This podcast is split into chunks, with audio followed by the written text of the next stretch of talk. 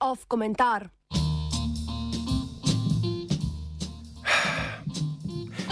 Spet cepljenje. Sorry.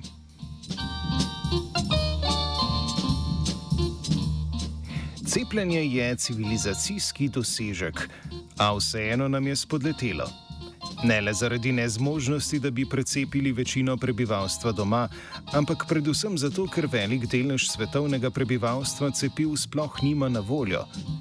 Namesto da bi zdaj vse cepivo, ki nam razvitim ostaja in ga zato lahko trošimo za poživitvene odmerke, ne mudoma poslali v Afriko, se mi več kot leto dni po zagonu cepljenja proti COVID-19 komaj začenjamo pogovarjati o uvedbi obveznega cepljenja pri nas.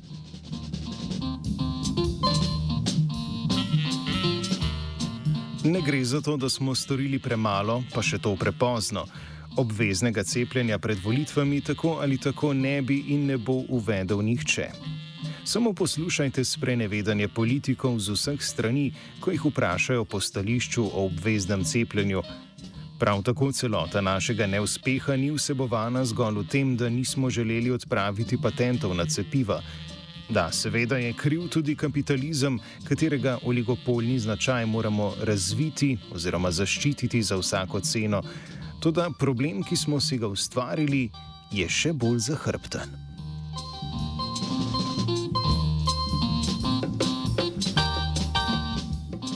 Pogubo civilizacijskega dosežka cepljenja namreč vsebuje že dosežek sam. Neposredno o cepljenju kot civilizacijskem dosežku lahko govorimo le v strogo tehnološkem smislu.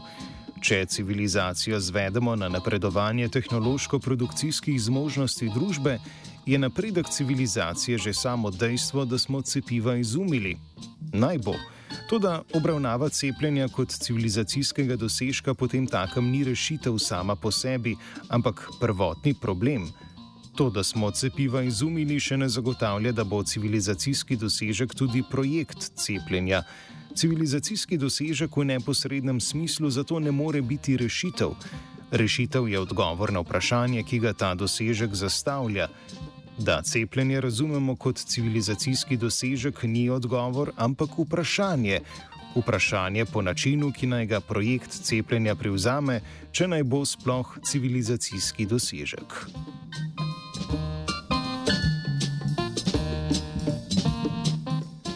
Govor o cepljenju kot civilizacijskem dosežku, ki predpostavlja, da je kot civilizacijski dosežek po nujnosti nekaj dobrega in ga bodo ljudje zato, ker so racionalni in tudi sami težijo k dobrem, prepoznali kot nekaj dobrega za nje tudi sami, na vprašanje po načinu, ki naj ga projekt cepljenja prevzame, ne odgovarja kot odgovor na vprašanje civilizacijskega dosežka ponudi ta isti dosežek, njegovo neposredno raven tehnološkega izuma.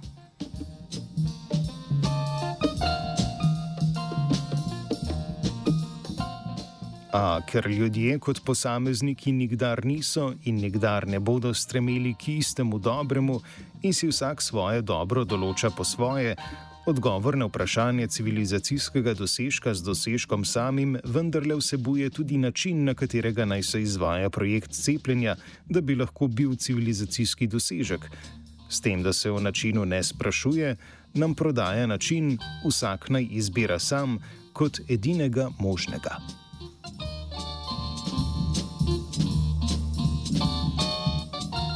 Za neuspeh projekta cepljenja tako ni več kriva začetna zastavitev projekta kot samoumevnega civilizacijskega dosežka, ampak je krivec pozunanjen.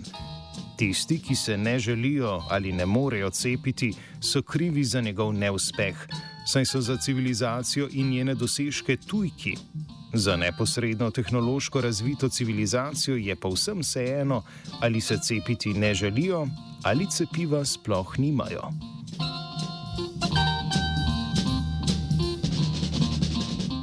Razmerje, v katerega civilizacija postavlja projekt cepljenja do domačega dela prebivalstva, ki se ne želi cepiti, je enako razmerju, v katerega postavlja projekt cepljenja do svetovnega prebivalstva, ki se cepiti ne more.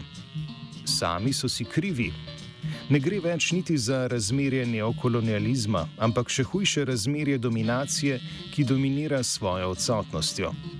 Gospodar se pretvarja, da ni gospodar in gospodar sploh noče biti, hlapec pa ne more biti hlapec niti v primeru, da bi to želel. Zato naj nas ne čudi, če bodo problem svetovne precepljenosti prebivalstva na koncu morali reševati Kitajci.